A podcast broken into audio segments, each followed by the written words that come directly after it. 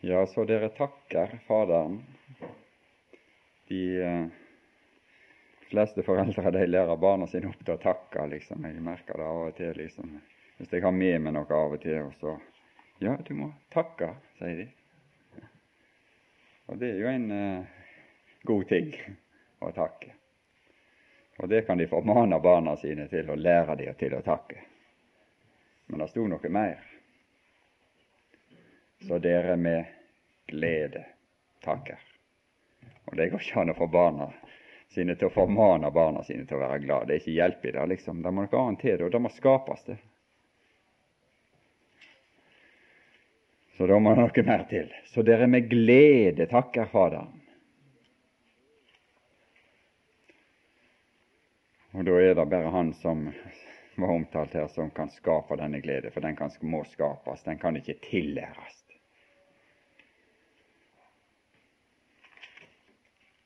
Den må skapes.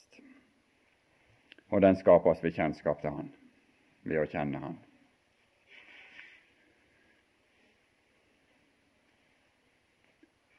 Ja, jeg har eh, i de seinere tid så har jeg liksom lest litt helt i slutten på Hebreabrevet. Der står jo dette kjente ordet i kapittel 13 og vers 8 at, at Jesus Kristus er. Det er jo denne betegnelsen som vi finner på Gud i forbegynnelsen, eller ikke for, ja, i forbegynnelsen finner vi betegnelsen, og den som han seinere sa at han skulle gi seg til kjenne ved, Han som er. Jesus Kristus er i går og i dag den samme, ja, til evig tid. For meg er det sånn at liksom dette her, når du har med en å gjøre som er evig, som er uforanderlig i sitt vesen, selv om hans gjerninger kan, og handlemåter kan ytre seg litt forskjellig fra i går til i dag. Men så er det samme vesen, det samme person. Du veit hvem du har med å gjøre. Det er ikke noe lunefull, uberegnelig person vi har med å gjøre, vi som tror på Jesus. Han er fullt ut påregnelig, pålitelig, trofast og dyktig til å gjennomføre sine mål. Derfor er det å stole på Han og tro på Han og ta sin tilflukt til Han, det er å sette sine føtter på fast grunn. Jesus Kristus er i går og i dag den samme. Det er liksom et sånt utsagn, det, det, er et uttrykk som ja, jeg syns det, det, det, skaper en god smak, om du vil. Altså Det liksom å, å, å, tygge på dette, det gir en sånn sødme, det gir en sånn god smak. Det liksom eh, bringer deg til ei, ei, ei, sånn ro, som det var talt om her. En sånn fred. Og det, det er egentlig fullt av triumf, dette her uttrykket her. Det er triumfe, det, det, det triumftonen, det er seiersklangen det bærer i seg. Dette er noe Det er et utsagn. Det, det, dette her står som en konklusjon, som en, som en setning som på en måte summerer opp den presentasjon som hele dette brev gir av den personen som blir introdusert helt i, i kapittel 1 og vers 1. Det er liksom som en, en oppsummering, om du vil. For det taler om Jesus Kristus i går, og det taler om Jesus Kristus i dag, og det taler om Jesus Kristus til evig tid, dette brev. Og så, når en undersøker og, og, og, og ser på dette, så opplever en det at han er. Han er. Det er den samme som går igjen.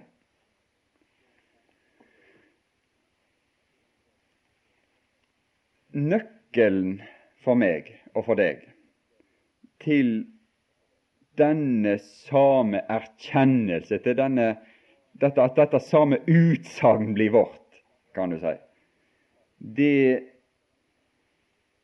ligger i å følge etter de som står omtalt i vers 7 her. Da står det om å komme i hu deres veiledere. Det er noen som leder oss fram på en vei. Det er noen som anviser en vei og anbefaler deg å følge den veien. Det er nøkkelen til den samme erkjennelse og den samme seiersfryd, om du vil, i dette utsagnet for oss. Det står tale om noen veiledere der, og det skal ikke så mye lesning til i dette brev for du skjønner at de veilederne som står omtalt her i, kapit, i vers 7, det er de som fyller vers, kapittel 11. Det er de personer som her er omtalt som veiledere. Og ved å følge dem, ved å gå etter den anvisning som disse veilederne gir, så kan vi unngå å bli offer for de som står omtalt i vers 9, som også anviser en vei, men som er kalt for villedere, altså, eller de leder på avveie, står det her.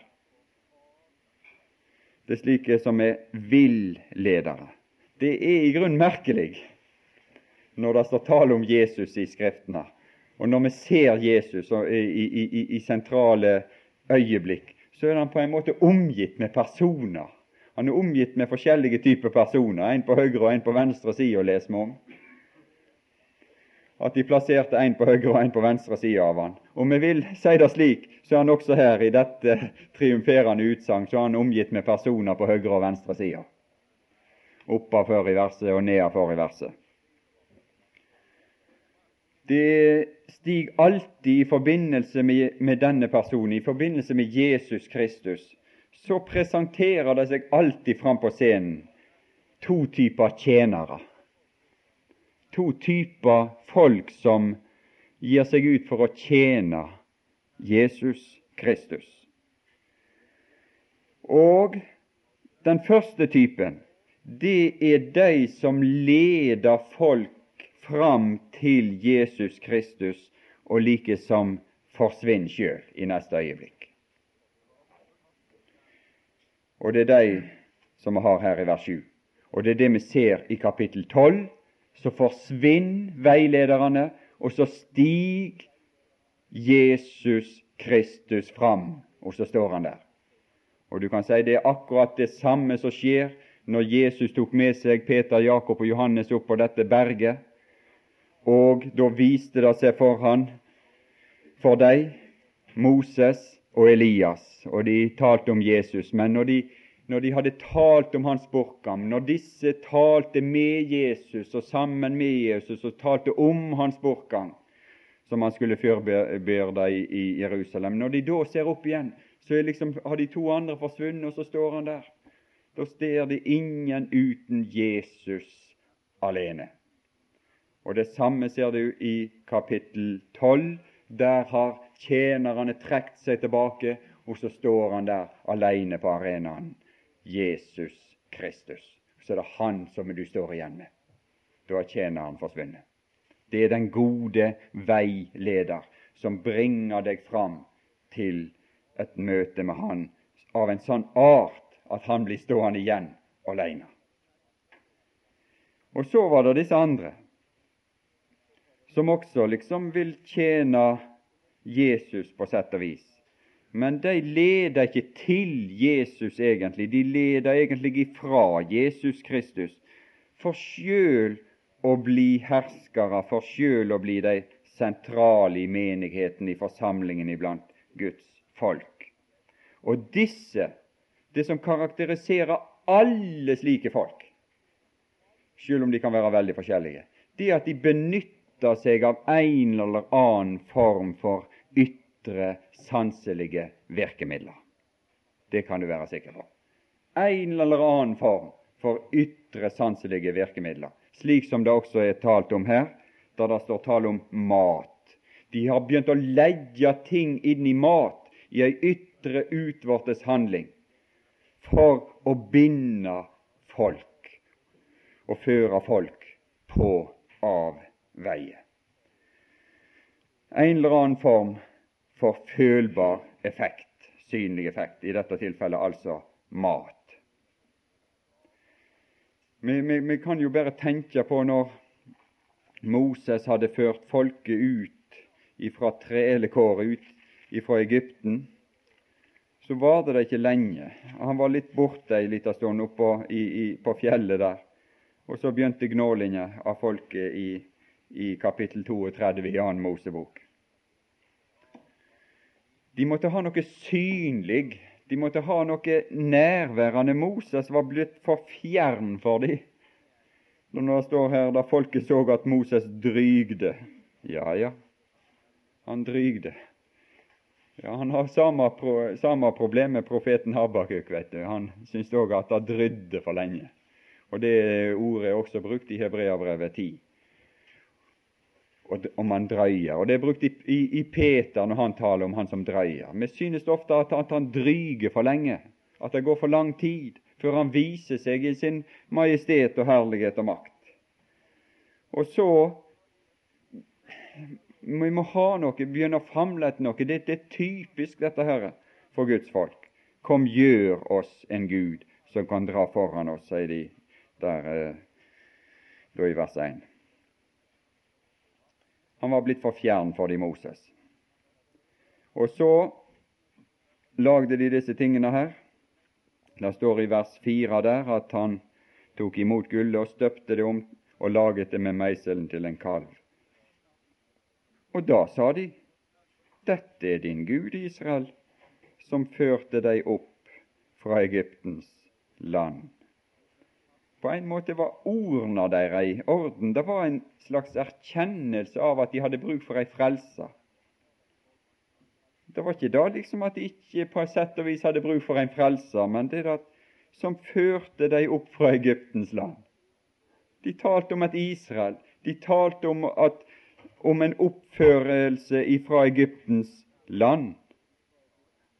Men det var bare det at de var allerede nå står det her i vers 8 at de er hastig veket av fra den vei jeg bød dem å vandre.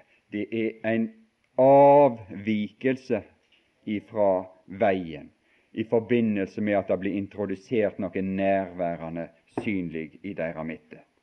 Men det mangler ikke på ord. Dette er din Gud, Israel, som førte deg opp fra Egyptens land.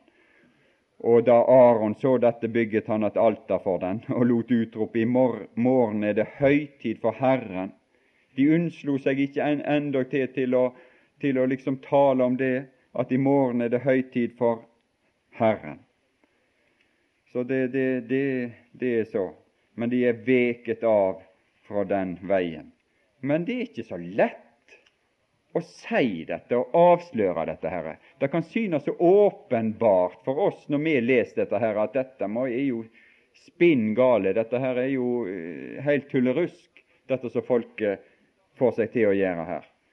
Men eh, når Josva, som var med Moses et stykke på veien der, når de kom tilbake, han hadde store problemer. Men han greide ikke Hva er det folket driver på med?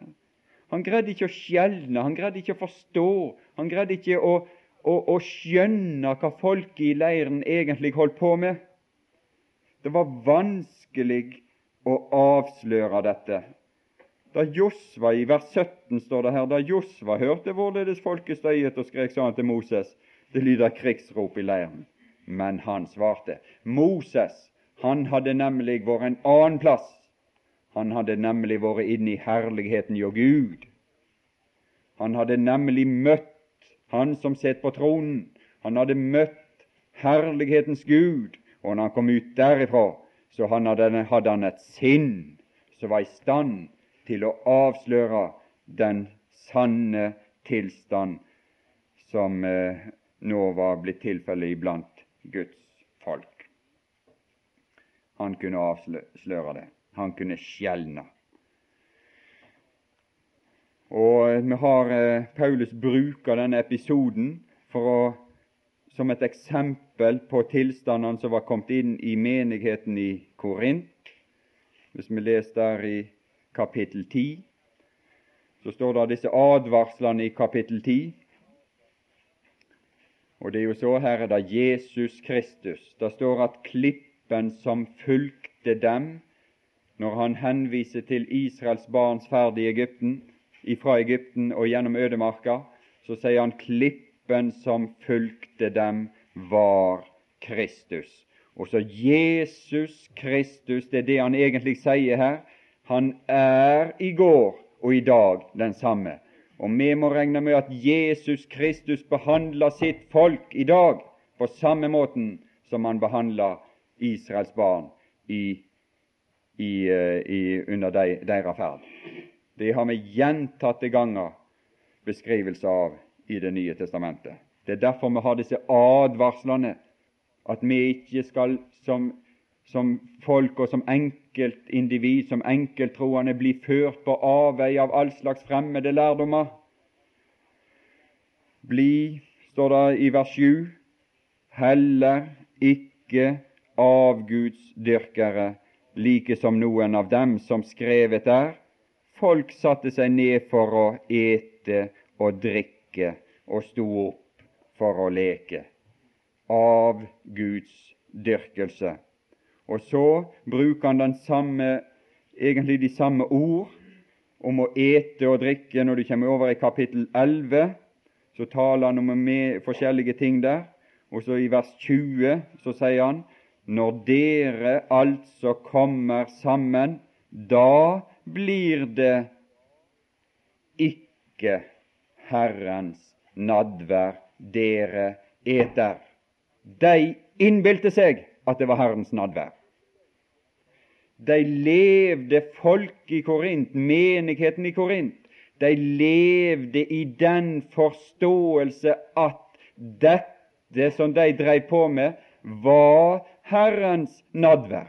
De levde i den forståelsen. Men Paulus, som hadde kontakt med herlighetens Gud, og kunne se dette fra et, fra et annet synsted og fra et annet ståsted, han avslører de, og så sier han at det er ikke det som det innbiller dere at det er. Det er ikke Guds feiring. Det er ikke Herrens nadvær dere eter. eter. Det er ikke det. Og det er, det er ingen grunn til, eller det er, vi står i nøyaktig samme faren, du og meg, for å drive på med saker og ting som vi tror er noe, uten at det egentlig er det.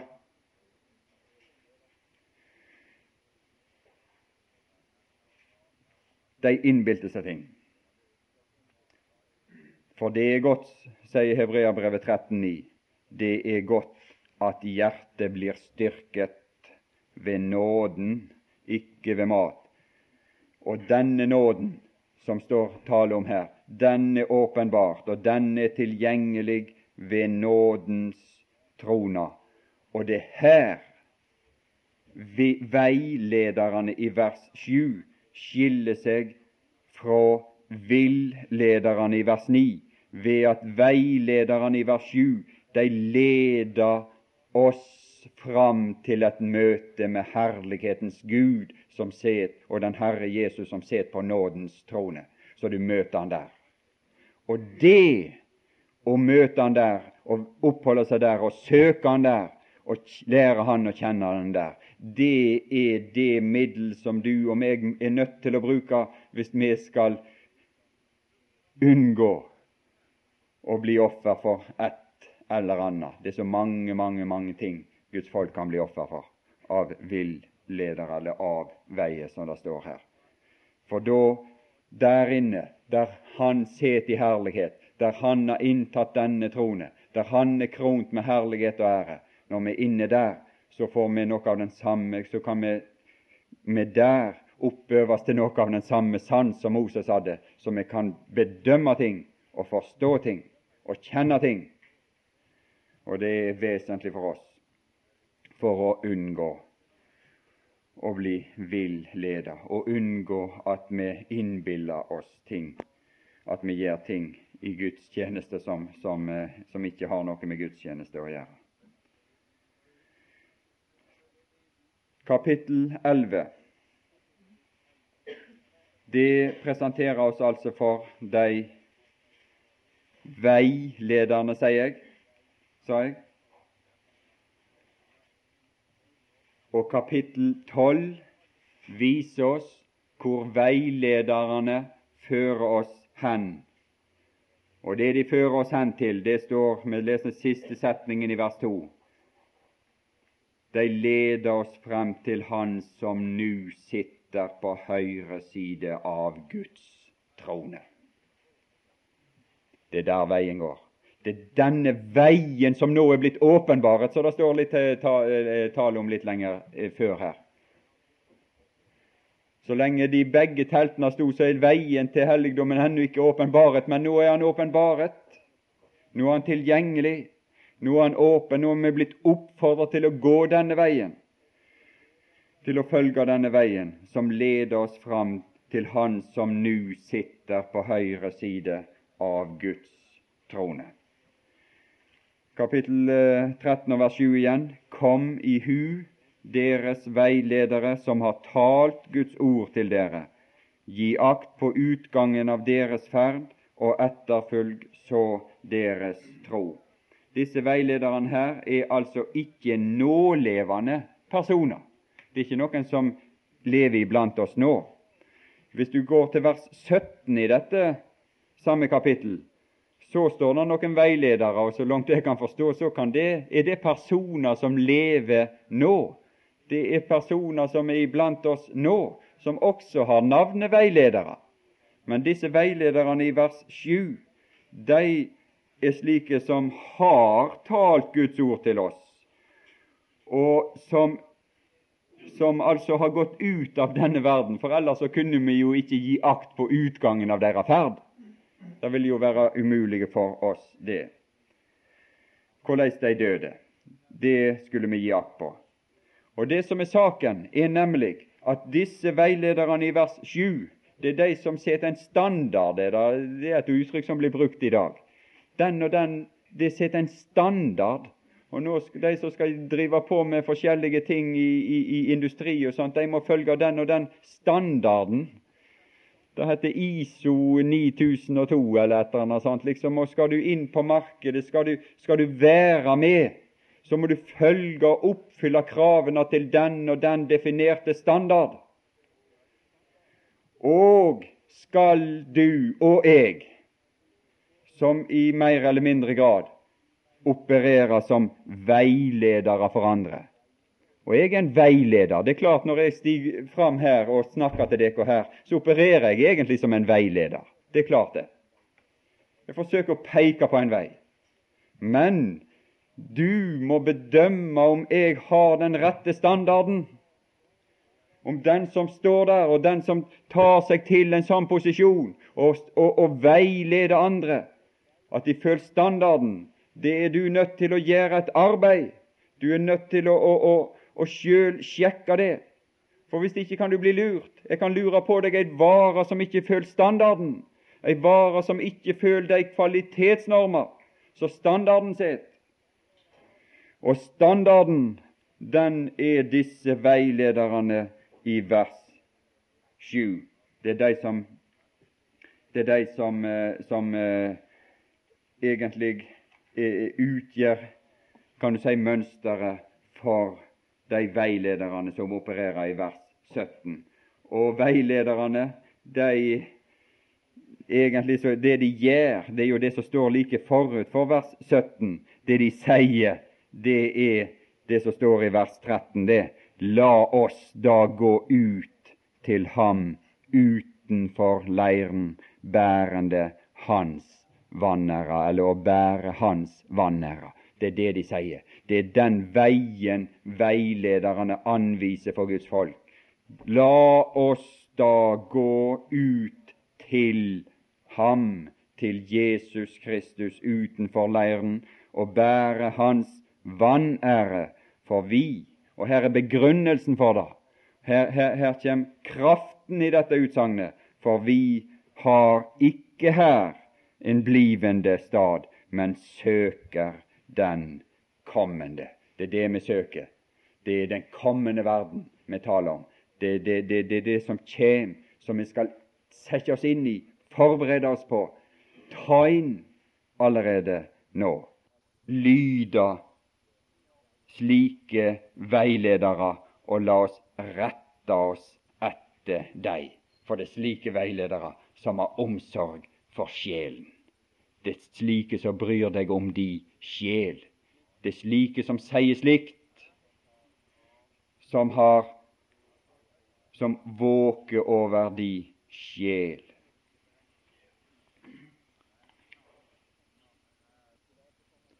Vi skulle altså komme i hu, står det i vers 7. La oss komme de i hu. Kom i hu, deres veiledere som har talt Guds ord til dere.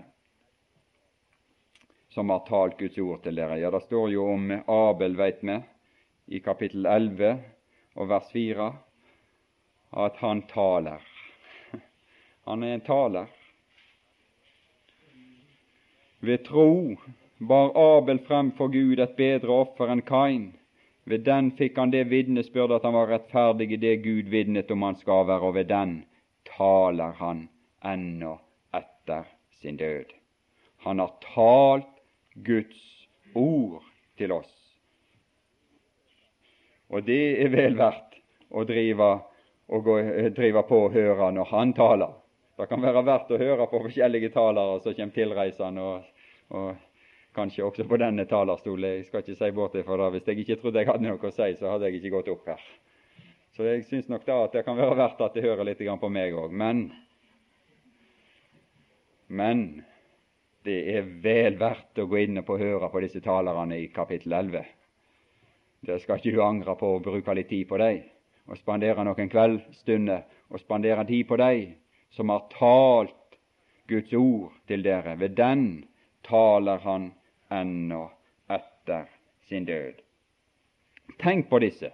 Se på deres livsferd inntil deres utgang, står det her, og etterfølg så deres tru. Deres tru. Vi kan ikke gjøre det de gjorde. Det var forskjellige tider de levde under, forskjellige betingelser. Vi kan ikke gjøre deres gjerninger, men vi kan etterfølge deres tro det de trodde, den de trodde. Det som er felles for alle disse, det som er fellesnevneren for alle disse, det er at troens opphavsmann og fullender var med dem og sto ved dem. Det var han som hadde kalt de ut, troens opphavsmann og det var han som fulgte med de like til utgangen av deres ferd, troens fullender. Han sto ved de. Han sto ved de uansett. Han sto ved dem i de betingelser de var i, enten det var en Elisa som, som, som måtte be når, når fiende Herren sto der, så måtte han be Gud åpne øynene på denne gutten han hadde med seg. Ja, sa han, åpne øynene på han så han ser. Ja, ja, ja, ja. Han ba, akkurat som Paulus ber i Efeserbrevet 1. Det Paulus ber i Efeserbrevet 1, det er akkurat samme som Elisa ba. Åpne øynene på dem så de ser.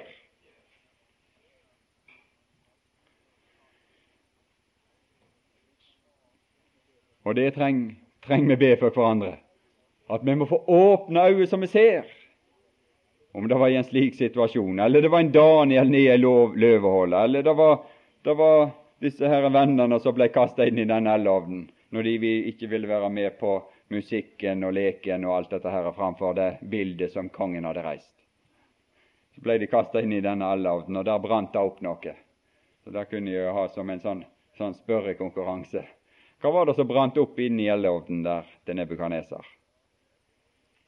kan du prøve å, å finne ut det. For det var nemlig en ting som brant opp der.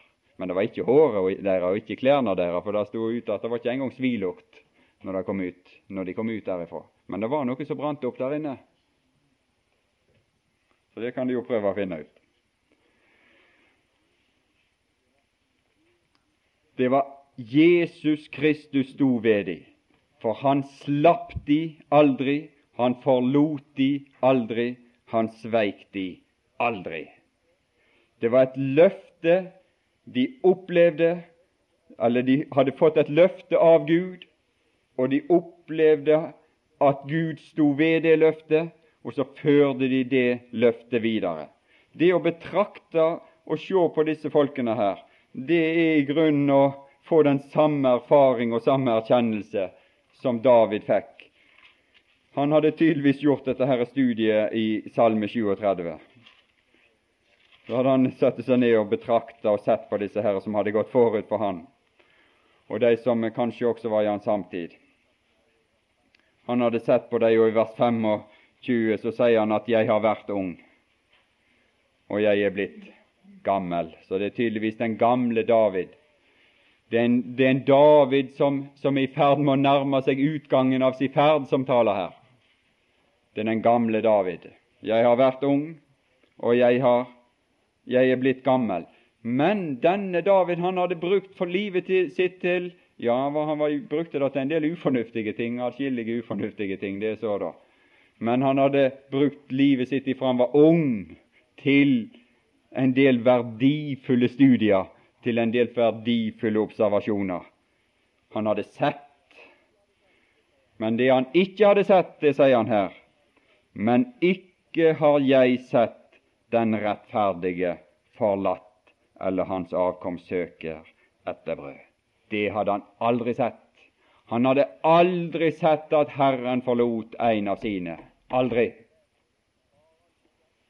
Det har aldri skjedd, og det skal aldri skje, unntatt med det ene tilfellet da han sa, Min Gud, min Gud, hvorfor har du forlatt meg? Men det rop skal aldri en av hans rope. Aldri. Det er mulig da at vi av og til kan føle det slik, men vi skal få erfare og erkjenne at det er ikke slik. Vi skal se på det muligens i morgen litt om Moses, hvordan han opplevde Gud i begynnelsen, og så hvordan hans syn og forståelsen når han begynte å kjenne Gud, så vendte hans vitnesbyrd om Gud totalt opp ned. Han fikk en totalt ny forståelse av Gud enn den som, den, den som han, han, kan du si, hadde begynt å, å, lure på i begynnelsen der. Om Gud var en slik som han hadde gitt seg ut for å være. Å, men når han går ut ved utgangen av sin ferd, ja, så er ikke han i tvil. For da hadde han sett og erfart. Det var det den gamle David hadde gjort her. Jeg tenkte vi kunne se bare da litt på, på to, på Moses, og sammenligner han litt med Paulus. For de på en måte har en utgang, disse her to Herrens tjenere, som på mange måter er veldig lik, syns jeg. Den samme erfaring. Tenk den gamle Moses mange tusen år før Paulus. Og så har de samme vitnesbyrd, så har de samme forståelse, så har de samme kjennskap. Så har de samme opplevelse av Herren.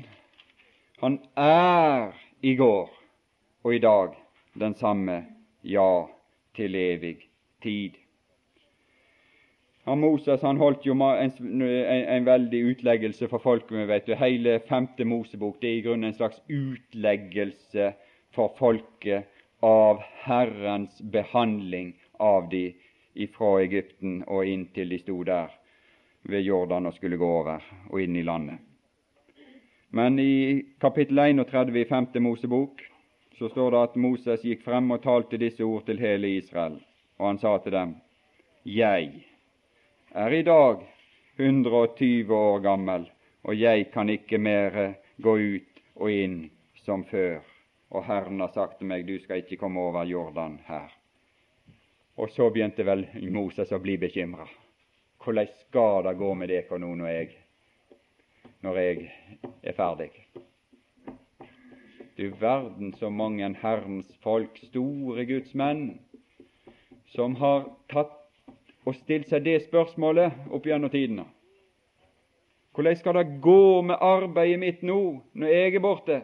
Hvordan skal det gå med liksom dette som jeg har bygd opp nå? Ja, hvordan skal det gå med denne forsamlingen nå, når jeg ikke er mer? Hvordan skal det gå? Og så har noen, fordi de har mangla en spesiell kjennskap til Gud De kan ha kjent Gud på mange år, mange områder, men fordi de har mangla kjennskap til Gud på et spesielt område, så har de fått en slags form for panikk, og så har de begynt å organisere det som skal skje etter deres død. Og vi kan bare tenke på en mann som John Wesley. En voldsom bekymring for det som skulle skje. Hva skal skje med denne bevegelsen når jeg er borte? Og så lagde han i stand et svære apparat som blir kalt for metodismen, og som er enda ute i noe forferdelig liberalt, som er til dels så gal at det går ikke an å nevne engang. En voldsom bekymring. Hvorfor det? Fordi at John Wesley kjente ikke Ja, det skal ikke jeg si, han kjente Gud på mange måter. Og han, stor, han var en stor Herrens mann, det tror jeg vi også kan si, i hvert fall etter vår bedømmelse. Men han kjente ikke den samme Gud som Moses og Paulus på dette bestemte området. Han visste ikke hva han trodde på i en bestemt henseende. Og det er mange, mange med han. Vi kunne begynne å nevne opp på hundretalls. Men Herren, hva var det han? Hva var det Moses sa? Herren din Gud vil selv dra frem foran deg. Det trenger ikke meg, egentlig. Jeg er ute av bildet nå. Jeg er blitt gammel, og, og dør jeg nå? Jeg er ute av bildet. Det er det som er feil med alle store menn, som jeg har sagt et par ganger før. I, i, når, når, når, du leser Hebreabrevet kapittel 7, er det vel der, så står det at alle Herrens gode tjenere har en stor feil. De blir gamle og dør. Og så er de ute av stand til å fortsette i sin tjeneste. Oh, men så kommer det en inn på scenen i Hebreabrevet 7 som har det vitnesbyrd at han lever. Og han lever alltid til å gå i forbønn for dem. Og derfor kan han fullkommen frelse den som kommer til Gud ved han. Derfor. For han blir ikke gammel og dør. Han er ikke som Moses. At han, han, han kan ikke gå ut og inn som før, så det står her. Han er ikke som Moses. Han lever alltid. Jesus Kristus er i går og i dag den samme, ja, til evig tid. Herren din Gud vil selv dra fram foran deg, og han vil utrydde disse folk for deg, så du kan ta deres land i eie. Det var ingen bekymring for videreføring av verk, ingen panikkarta ordninger og menneskelige organisasjonsoppbygninger for å ivareta verket. Han hadde den samme ro, den samme tillit, den samme klippefaste tro og viten og kjennskap til sin Gud og Frelser som Paulus hadde. I andre Timoteus, som, som, som er vel kanskje det siste brevet som Paulus talte, som er, vi kan si på en måte når vi kommer til slutten på femte Mosebok, så er det på en måte Moses sine svanesanger. Det står også at han sang. Han fremførte en sang, for folket kan jo tenke deg en 120 år gammel sanger. Så står der og fremfører en sang for folket, en gammel mann som synger. I utgangen av sin ferd så synger han en sang. Det er den som har hjertet som er vel til mote, sier Jakob, som syng. Og Moses fremførte denne sang, står det her i, i, i eh, kapittel 31 og vers 30 der i 5. Mosebok.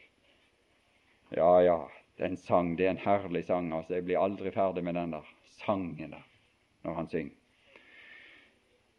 Men Paulus, han, det er hans svanesang, kan du si, har med i, i, i 2. Timoteus. Og i kapittel 1 og vers 12 så står det derfor lider jeg også dette, men jeg skammer meg ikke med det, for jeg vet på hvem jeg tror, og jeg er viss på at Han er mektig til å ta vare på det som er meg overgitt inntil hin dag. Han er mektig til å ta vare på. Det bekymra ikke Paulus at det som han hadde fått overgitt, at det ikke skulle bli tatt vare på. For han er mektig. Jeg vet på hvem jeg tror, og han er mektig til å ta vare på det som er meg overgitt, inntil hin dag. Han skal ta vare på det. Han kjente Herren like som Moses. Men Moses visste jo saker og ting, og var klar over saker og ting, som han sier i 5. Mosebok 31 og vers 29. Den samme rolige, trygge Moses, han sier der 'Jeg vet'. Og det visste Paulus òg. Les om Paulus sin avskjedstale i, i, eh, i apostelgjerningene der når han er i Efesus, når han taler til brødrene 'Jeg vet at etter min bortgang' skal det komme inn iblant dere glupende ulver som ikke sparer jorden. Og den samme viten hadde Moses. Jeg vet at etter min død vil dere forderve deres vei og vike av fra den vei jeg har befalt dere å vandre, og ulykken skal komme over dere i de siste dager, fordi dere gjør det som er ondt i Herrens øyne og egger Han til vrede med deres henders verk. Men det var, ikke, det var ikke Til tross for denne viden så hadde han en full fortrøstning på at Herren skulle ta vare på verket likevel. Og deretter fremsa Moses denne sang. Og da kommer formaningene til den enkelte av oss. For Moses hadde talt i kapittel 31 og vers 6 så sa han, Vær frimodig og sterke og frykt ikke og reddes ikke for dem, for Herren din Gud går selv med deg. Han skal ikke slippe deg og ikke forlate deg. Og Det er det løftet da som er sitert også i Hebreabrevet 13. Og Moses kalte Josva til seg og sa til ham, så hele Israel hørte det. Her taler han til Josva, her tar han ut en trofast mann og taler til han men det er offentlig tale, det er offentlig tilgjengelig tale, men han taler til han. Og så pålegger han disse tingene. Vær frimodig og sterk for at du skal dra inn med dette folk i det land som Herren tilsvor deres fedre. Og det vet vi òg, at i 2. Timoteus så sier han også Timoteus, du må ta vare på. Herren skal nok ta vare på sitt ord. Det er ikke det som bekymrer meg. Men Timoteus, du må òg ta vare på ta vare på den fagre skatt som er deg overgitt ved Den hellige ånd som bor i oss. Og i kapittel 2 også, så blir da du, min sønn, sterk ved nåden. Det er det samme som i Hebreabrevet 13,9. Det er godt at hjertet blir styrket ved nåden. Blir du sterk Timoteus, du må fram til nåden i Kristus Jesus. Du må, du må leve innenfor nådens trone. Du må bevege deg inn i Han som sitter på Guds trone i herlighet. Og det som du har hørt av meg i mange vitners nærvær. Ser du her òg, han talte akkurat som Moses til Josva i mange vitners nærvær. Det offentlig tilgjengelig talte, men han henvendte seg til, til disse.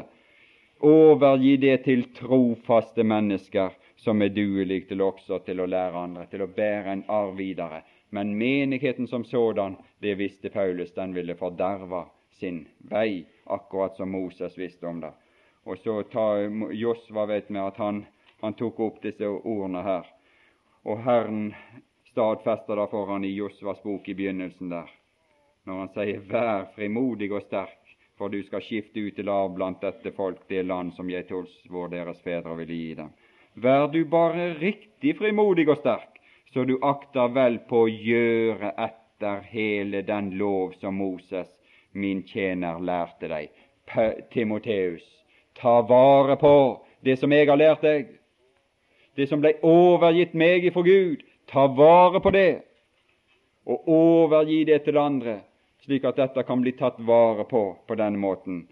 Og så fikk Josva de samme ord å ta vare på hele den lov som Moses, min tjener, lærte deg. Eh, vik ikke av verken til høyre eller venstre, osv. Det tas ut trofaste mennesker. Slik, på denne måten, ved disse ord, ved å ta vare på det som er overgitt disse tjenere, så kan vi også lære å kjenne Gud, og så kan vi også få den samme erfaring som disse fikk, at denne Gud er i stand til å Jeg vil være med oss under alle vanskeligheter som måtte møte oss på den vei, når vi vil ta vare på Hans ord. Og så skal vi gå ut av verden like som disse med, med det, det, det, det, triumferende forvissning at Jesus Kristus er i går og i dag den samme ja til evig tid. Det er ingen som Gud. Jeg vet på hvem jeg tror. Ja, Herre Jesus, nå vil vi takke deg for det at du har betrodd oss også en bibel i vår hånd. Vi er blant disse heldige og disse privilegerte folk som har fått lære å lese og skrive. Og vi har også fått mulighet til å lese ditt ord. Du har bevart ditt ord inntil i dag. Det er mange som har gjort angrep på det. Og det er forunderlig, den historie som vi, vi finner opp gjennom tidene. Men du har gjennom alt dette her på en forunderlig vis tatt vare på ditt ord inntil i dag. Så får du lære oss, den enkelte, denne lekse og denne troskap, at vi tar vare på ditt ord. Og det er bare én måte å ta vare på ditt ord, og det er å lese det, og det er å utleve det. Herre Jesus, velsigner den enkelte her og være med i forsamlingslivet her, det arbeid som blir utført. Herre Jesus, og gi oss nåde til å lytte til dine veiledere og følge deg, kjære anvisning like fram til nådens trone, der du sitter på Guds høyre side av Guds trone i herlighet. Og la oss få leve gleden og sødmen og fryden ved å oppholde oss